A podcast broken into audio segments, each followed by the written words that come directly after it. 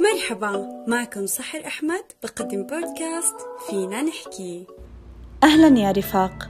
بتمنى تكونوا بخير. بدي أخبركم إنه اليوم عم بسجل حلقتي في السعودية فمرحبا من الرياض. قضيت فترة طويلة من طفولتي ما بفهم كيف بيناموا الكبار ليلة العيد بسهولة. كنت دايما أسأل حالي كيف بيناموا من الأساس.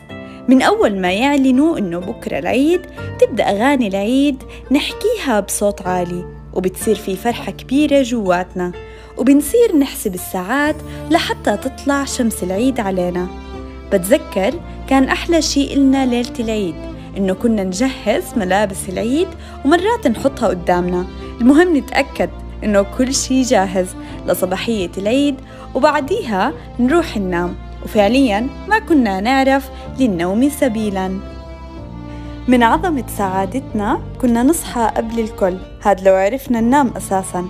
وكنت أستمتع بكل لحظة في العيد من بداية شروق شمس العيد إلى آخر ساعة في يوم العيد.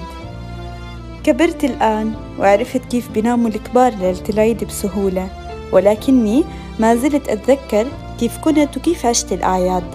بتمر الذكرى على خاطري وببتسم وبشوف الأطفال سعيدين فبفرح لهم.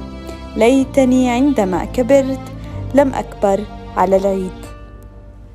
من أحلى نعم العيد وفرحة العيد الكبيرة هي وجود العيلة وجود العيلة حوالينا عيد.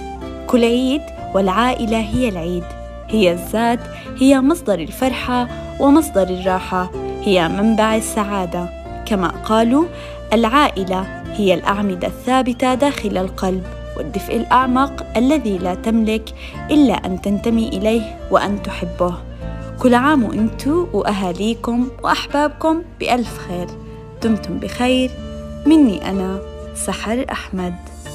لا تنسوا تعملوا فولو للبودكاست وتقيموه من التطبيق اللي عم تسمعوني منه وكتير بهمني أسمع رأيكم بالبودكاست في خانة التعليقات. وفيكم تلاقوا حساباتنا على تويتر وإنستغرام في صندوق الوصف. دمتم بخير. مني أنا سحر أحمد.